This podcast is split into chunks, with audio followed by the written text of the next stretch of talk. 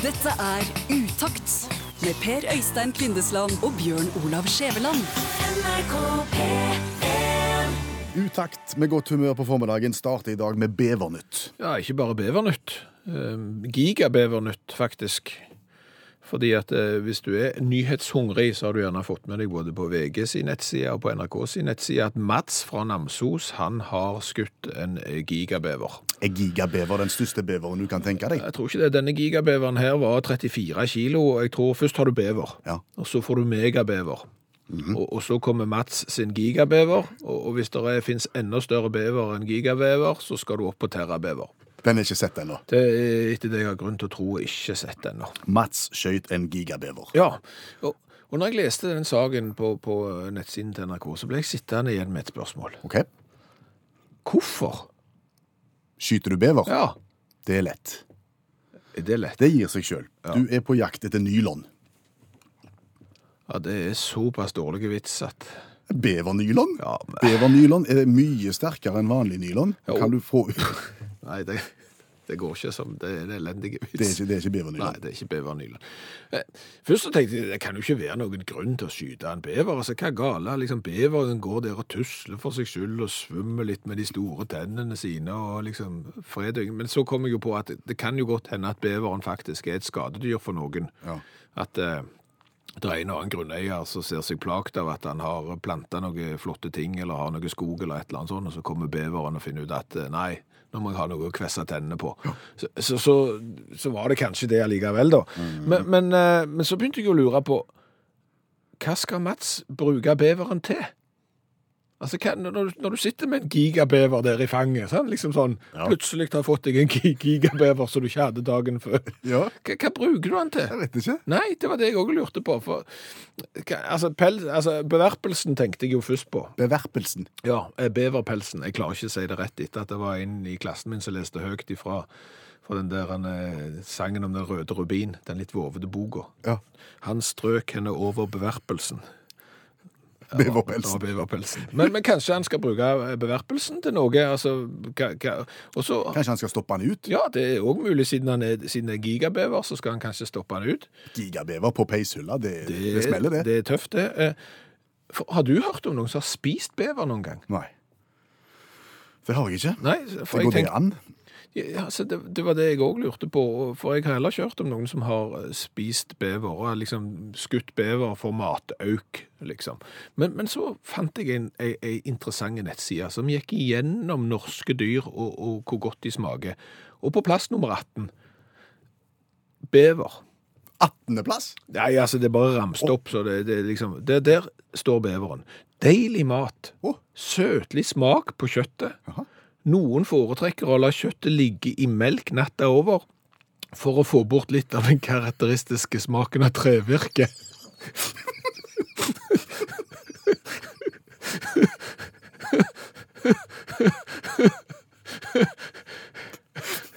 Det er klart- jeg- Bare serverer jeg et kjøttstykke med, med en liten smak av justert 2-4. Med, med, med osp og med en eim av osp og bjørk. Nei, men, men sant, Det er visstnok en delikatesse. Ja. Så, så, så der lærte jeg jo noe nytt, og jeg ble jo aldeles eh, Betatt? betatt av den sida som kunne ramse opp liksom, dyr som jeg aldri har tenkt på som mat. Altså mår, for eksempel. Ja, Mårpølse? Ja, men det Nei, det er ikke det. Det er visstnok ikke godt. Nei. Altså, m- Mår skal du ikke spise. Det, det, de har forsøkt, disse her folk, og spist det flere anledninger. De har lagd mårremulade, og det var ikke godt. Så, så We want more? Nei, det gjør vi ikke. Less is more. Ekorn kan spises. Eh, har vært eh, jaktbare eh, fram til nå, men de er visstnok ikke jaktbare lenger, så jeg vet ikke hvor du finner ekorn henne nå. Men de smaker visstnok best tidlig på høsten. Og så bør de gjennomsteges, fordi at på vårparten så har de en stram gransmak. Ekorn spiser du bare hvis du er nødt. Og så har du rev. Ja. De er det jo mye av, og, og de smaker visstnok ikke godt, så der hjelper det jo ikke. Eh, Der er det lite matauk. Eh, Noe som er godt, skal da være måke. Au. Enkelte mener at ungmåke smaker som, som rype, men det skal visstnok være god mat. Brune lett eh, måkebryst i panna på ti minutter, og, og la det ligge 200 grader i ovnen. Kråke er godt. Eh, Jordrotte er òg godt, eh, og det, det smaker som kylling. Så, så, Hører du sier det? ja, så, så her er det muligheter til alle som vil eh, tenke litt eh, alternativt, men eh, Men kommer du over en gigabever, Ja. eventuelt en mega- eller terrabever, Ja. Mhm. og har lyst å spise den, så, la, så la den ligge i melk i et døgn Ja. for, for å få vekk smaken av trevirke. ja.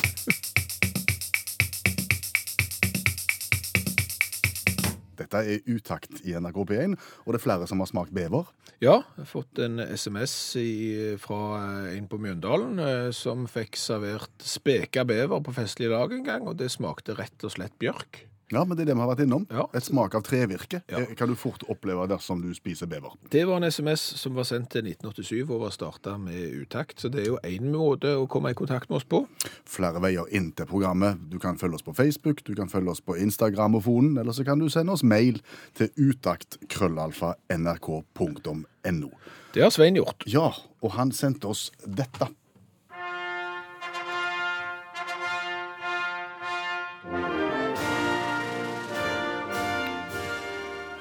Det vil si, han sendte oss ikke Kongelig Norske Marines Musikkorps med festmarsj, men han sendte oss en historie om festmarsj. Ja, fordi at i går i programmet så diskuterte vi polonese. Ja. Denne litt rare dansen som egentlig ikke er en dans, fordi at du, du går strengt tatt bare i kø, to og to, og så finner du på gøye ting underveis.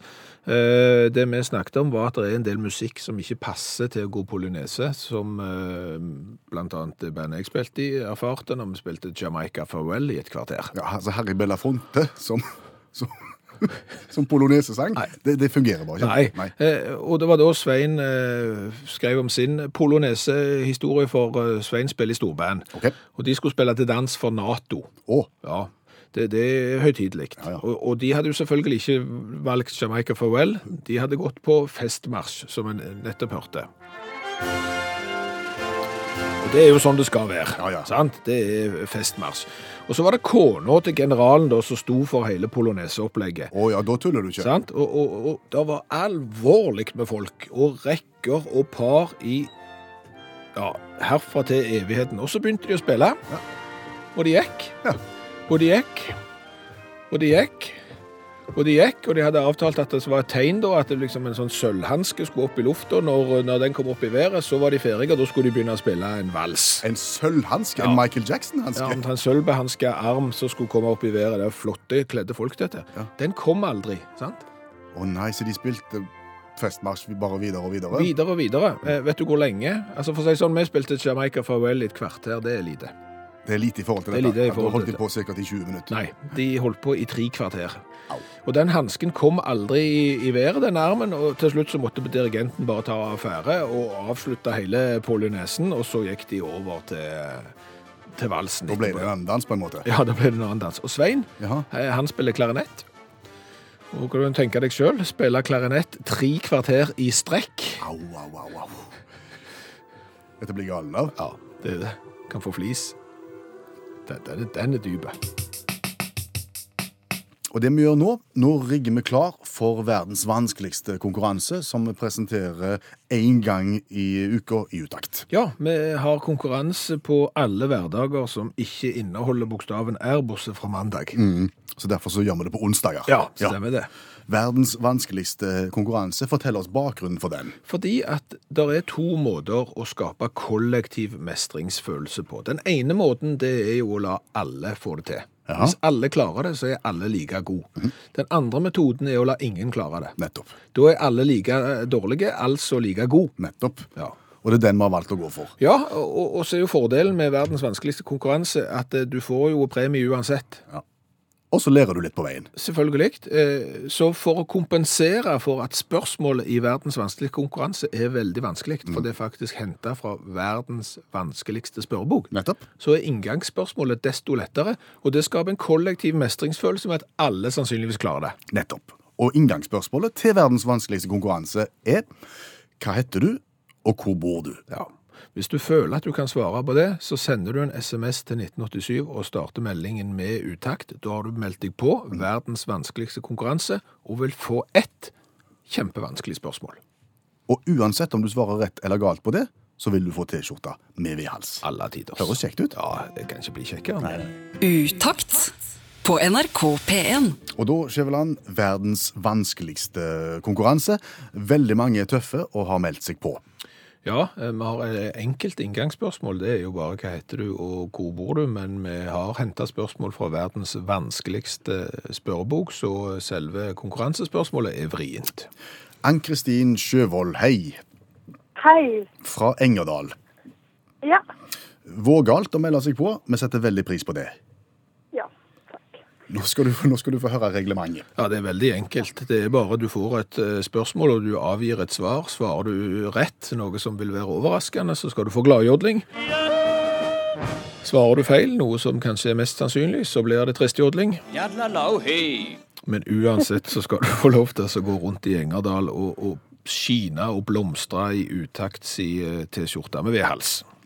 Ja. Skal vi bare komme i gang? Ja, ja, det får vi gjøre. Ja. Temaet i dag er artist, trommeslager og vokalist Phil Collins. Kjenner du til han? Eh, ja. Flott. ha- har jeg sagt at jeg har håndhils på han? Det, Nei. det, det, det føler jeg du har nevnt før tidligere, men jeg er ikke sikker. Jeg er ikke sikker på om jeg har sagt det, men nå har jeg iallfall eh, sagt det. Han er jo aktuell nå med store konserter og ute på turné og sånn, og han har vært trommeslager og vokalist i Genesis. Han er verdens nest rikeste trommeslager. Verdens nest rikeste. Kun slått av Ringo Starr, og har jo en solokarriere som strekker seg herfra til månen. Men, men, men. Spørsmålet. Skal vi ta spørsmålet? Ja. Vi spiller verdens vanskeligste konkurranse. I 1993 spilte Phil Collins en rolle i filmen And the Band Played On. Det er en film som handler om oppdagelsen av HIV-viruset og sykdommen aids. Hvilket yrke hadde rollekarakteren til Phil Collins i filmen? 15 sekunder fra nå. eh, Ikke sett filmen, men jeg tipper han var postbud. Du tipper postbud. Nå skal vi se hva juryen sier etter at gjøken har sagt sitt.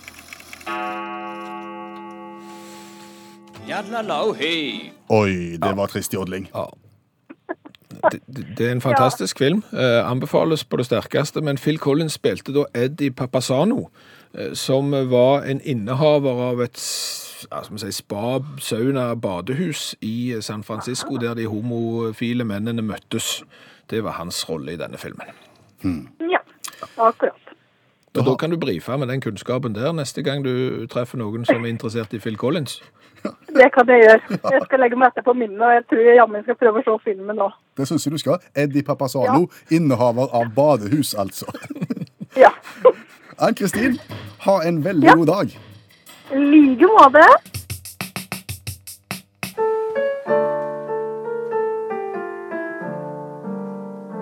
Utakt selger skinnet før bjørnen er skutt. Bearskin! T-shirts! Scarves! Bearskin! Scarves! T-shirts! Hei, god dagen. T-shirts! Hei. Hei. Ja, Du snakker norsk. Ja, ja. Jeg skjønner jeg snakker norsk. Ja, flott. Du, for jeg, jeg, jeg hører jo at du selger forskjellig. Jeg er på jakt etter bjørneskinn, jeg. Bearskin? Ja. Ja, ja, ja. ja. Det har jeg. T-shirts! Scarves! Hvor mye, hvor mye ligger bjørneskinnet på i dag? Eh, vanskelig å si. Vanskelig å si. Ja, det kommer jo litt an på, på, på størrelsen. Ok. Ja. Har du forskjellige størrelser? Nei. Nei. Du har bare én størrelse. Nei. Nå er du litt uklar. Ja. eh, T-shirts Bø- eh, Jeg har Ja, jeg har det ikke her. Nei, OK. Så, så det er litt vondt å så si akkurat liksom hvor, hvor mye skal det koste? Hva er kvaliteten? Hvor stort? Men etter det du har grunn til å tro, så er kvaliteten bra? Og, eller? altså, det er blodferskt, for å si det sånn. Det er alle tiders eh, kvalitet. Men, men, men akkurat liksom hvordan og helt nyansene er vrient å, å si her og Altså, nå. jeg kunne jo tenkt meg å sett dette bjørneskinnet nå før jeg inngår en handel med deg. Du skjønner det? Ja, ja, men jeg har det ikke her, ser du. Det var ikke det. Nei, ikke akkurat foran meg her og nå. Men du selger bjørneskinn like fullt? Å, ja, ja. Og, og T-shirts og, og scarves og, og jeg har all slags selger jeg. Ok. Kinaputter og Butnik-CD-er har jeg og Du har egentlig alt. Nei, jeg har egentlig alt. Ja, ok. Ja. Men det er bjørneskinn jeg i utgangspunktet Ja. er, ut, er på jakt etter. Så jeg, kan jeg bare inngå en handel med deg, et- en, en, eh, og så- og så kan du levere på gitt tidspunkt? Ja, ja, ja, ja, men ja, ja. men, Altså, sier du at du skal ha bjørneskinn, så, så skaffer jeg bjørneskinn, og jeg leverer 100 kvalitet bjørneskinn. Eh, vet bare ikke helt hva tid. Nei. Nei. Men da tar jeg et bjørneskinn. jeg, da. Ok. Fint. Da, da tar du det, Ja. og, og så tar vi, tar vi det derfra. Takk for handelen. Vær så god, du.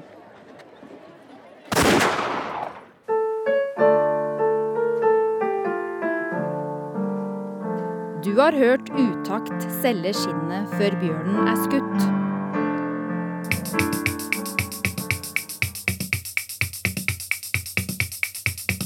Vet du hvordan du lager murstein?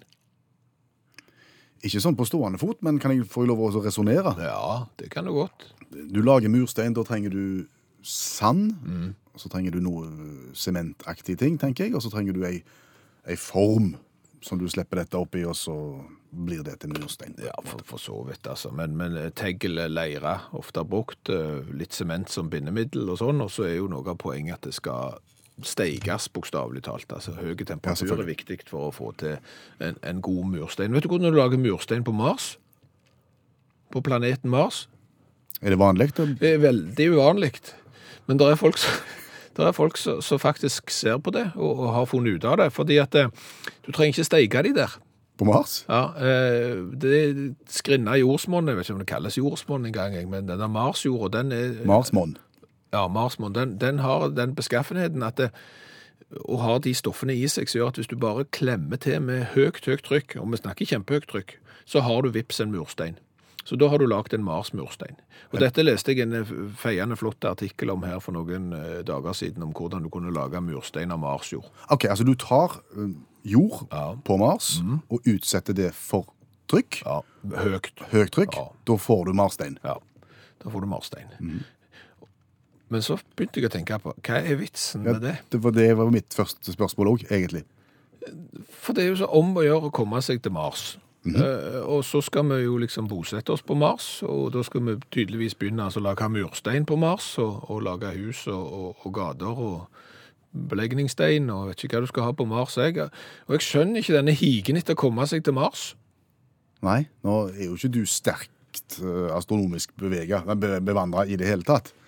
Så, så det er nok gode grunner for det at en bruker mye penger på, for det er jo ikke billig å komme seg til Det er Mars. kjempedyrt. Ja da. det er kjempedyrt, og, og det tar kjempelange tid. Det gjør det. Og jeg tenker, og nå er det jo visse farer for at jeg, allmennkunnskapen min ikke er kommet lenger enn til O-fag i niende her, sånn at det er noen hål i dette pensumet. Det kan Svarte gå- hål, faktisk. Ja, det kan godt hende. Men, men det er jo mange som mener det vet jeg sikkert. Altså mener at vi må utforske universet, fordi at jo lenger ut vi kommer i universet, så finner du eventuelt andre plasser der det går an å bo og sånn. Fordi at jorda er jo ikke Jorda vil ikke vare evig, kanskje. Eller vil ikke det. Men, men så, så da må du finne liksom alternativ, kanskje. Har de sett på Mars? Ikke spesielt innbydende, tenker jeg. Innbydende, nei. Det er liksom temperaturen der varierer jo fra noe sånn pluss 25 grader på en varm sommersdag, eller hva det er for noe, til minus 140 på en kald vinter. Det er jo ikke til, til å, å være, og atmosfæren er jo ikke sånn at vi kan puste igjen, og da vokser jo ingenting der. Der er jo helt, det er jo som en ørken. Ja, og Så kommer det gjerne en kritiker nå som sier at han Skjæveland har jo ikke tenkt seg om. Det å komme til Mars vil jo være at vi får utvikla ny teknologi. Eh, Hvis vi klarer å dyrke ting på Mars, så kan dette være viktig for ting som vi skal dyrke på jorda. Vi kan være nødt til å resirkulere på en helt annen måte. Dette kan være bærekraftig på, på mange eh, forskjellige vis, og avansert teknologi osv. Ja, det er sant. Men har du f.eks. sett en ørken? På landjorda? Ja. Ja. Du kan jo gjøre akkurat det samme der. Du kan prøve å skape en bærekraftig verden i den verden som vi lever i faktisk nå, og du kan gjøre det i, under omstendigheter som er nesten like de eh, på Mars, bortsett fra at du slipper å reise dertil. Det vil være mye billigere, og det må jo være mye enklere å prøve å redde den jorda vi har, istedenfor å bare la den bli ødelagt, og så prøve å bosette seg en plass som er enda verre enn jorda var før vi ødela den. Skjønner du? Ikke helt. Så jeg lurer på om du bare skal stoppe. Jeg synes det er et brennende godt resonnement, jeg.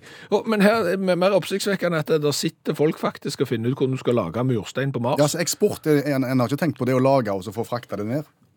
Eh, Altså, hadde du visst hvor dyrt det var, og, og, og frakta ting til, til Mars. Jeg tror eh, Hva var det summen var her? Det var noe sånn 60 000 eh, Jeg skal finne den summen. Det, det, er så, det er 6600 dollar per kilo.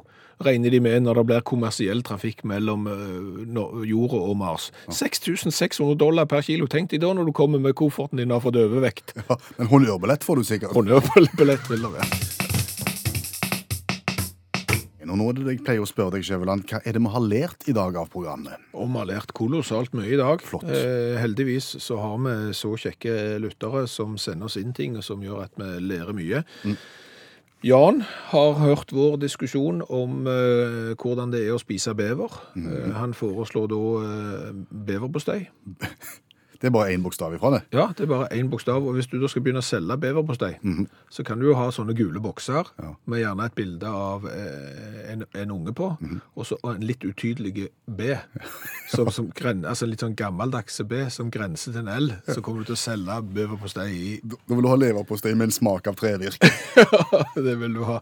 For Erik har også sendt en SMS til 1987 og starta meldingen med utakt, og han har smakt det som han kaller for bevergjell. Hva er det? Svensk sterkt brennevin tilsatt essensen fra beverens analkjertel. Au! Smaken var ubeskrivelig og satt i i ei uke, sier Erik. Jeg kan godt tenke meg at smaken satt i ei uke, men det der visuelle inni hodet, hvordan det ser ut, det der med den der analkjertelen, det våger jeg ikke tenke på engang. Beverbrennevin. Tor Ja.